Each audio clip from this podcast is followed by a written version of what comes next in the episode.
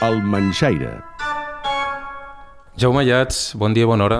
Bon dia. El Jaume ja el coneixeu, és el director del Museu de la Música, és etnomusicòleg i cada 15 dies aquesta temporada ens porta una curiositat relacionada amb la música o els instruments. D'ocarines, Jaume, ja n'havíem parlat algun cop, oi? Sí, però és que avui no, no és ben bé d'ocarina o l'ocarina és lateral al tema. Um, què vol dir? Lateral, que no... Va d'ocarines o no va d'ocarines? A veure, posem-nos seriosos. Va d'un senyor que feia servir una ocarina. Aviam, deixeu-me explicar. Avui m'haureu de permetre eh, que torni a evocar un instrument, diguem que té un cert to escatològic. Em sap greu insistir a vegades en aquests temes, però crec que la història s'ho val, té arrels catalanes i, per tant, no me n'he sabut estar de parlar-ne. Si hi ha algú molt sensible d'aquests temes, doncs que retiri l'emissora just 3 minuts, però em sembla que en època de caganers eh, podem eh, parlar d'això perfectament. Bé, és un instrument realment singular. Eh, li he donat el nom de l'ocarina colara o colana. Per què? Bé, perquè hi ha una tradició a la plana de Vic eh, i a Mallorca amb la sobrassada, eh, que és fer servir per una llangonissa o per una sobrassada el budell colar, el del cul, sí, és així com es diu, i eh, ocarina colara o ocarina colana serien, trieu la que us sembli més encertat, les ocarines que fan servir, eh, diguem-ne, la part colana eh, com, eh, com hauríem de dir, com a manxa eh, per fer-la sonar. El protagonista va ser, situem-nos, ens situem al segle XIX, un músic de Marsella, forner que feia de músic, que es deia Josep o Josep Pujol i Mauri. Per què faig la doble denominació? Doncs perquè era d'una família de Mataró, però ell va néixer ja a la capital de la Provença el 1857. I aquest senyor tenia una habilitat sonora mm, molt particular, realment particular, eh, que és eh, que va desenvolupar tècnicament sota el nom de músic flatulista. Flatulista seria flatulent i, esclar, ja ho heu endevinat, sabia fer sonar musicalment les seves eh, ventositats anals, no hauríem de dir. I per això també li deien en francès le pétoman, que seria el patomen, el senyor dels pets.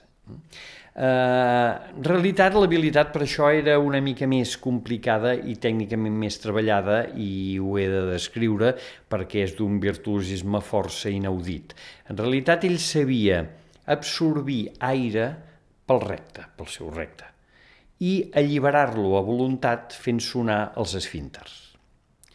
Uh, a mi em sembla del tot increïble, però el senyor sabia fer això. Sembla que el Jaume s'estigui inventant un, una història. Això és, és veritat. Hi havia un senyor que es deia Pujol i Mauri que feia això.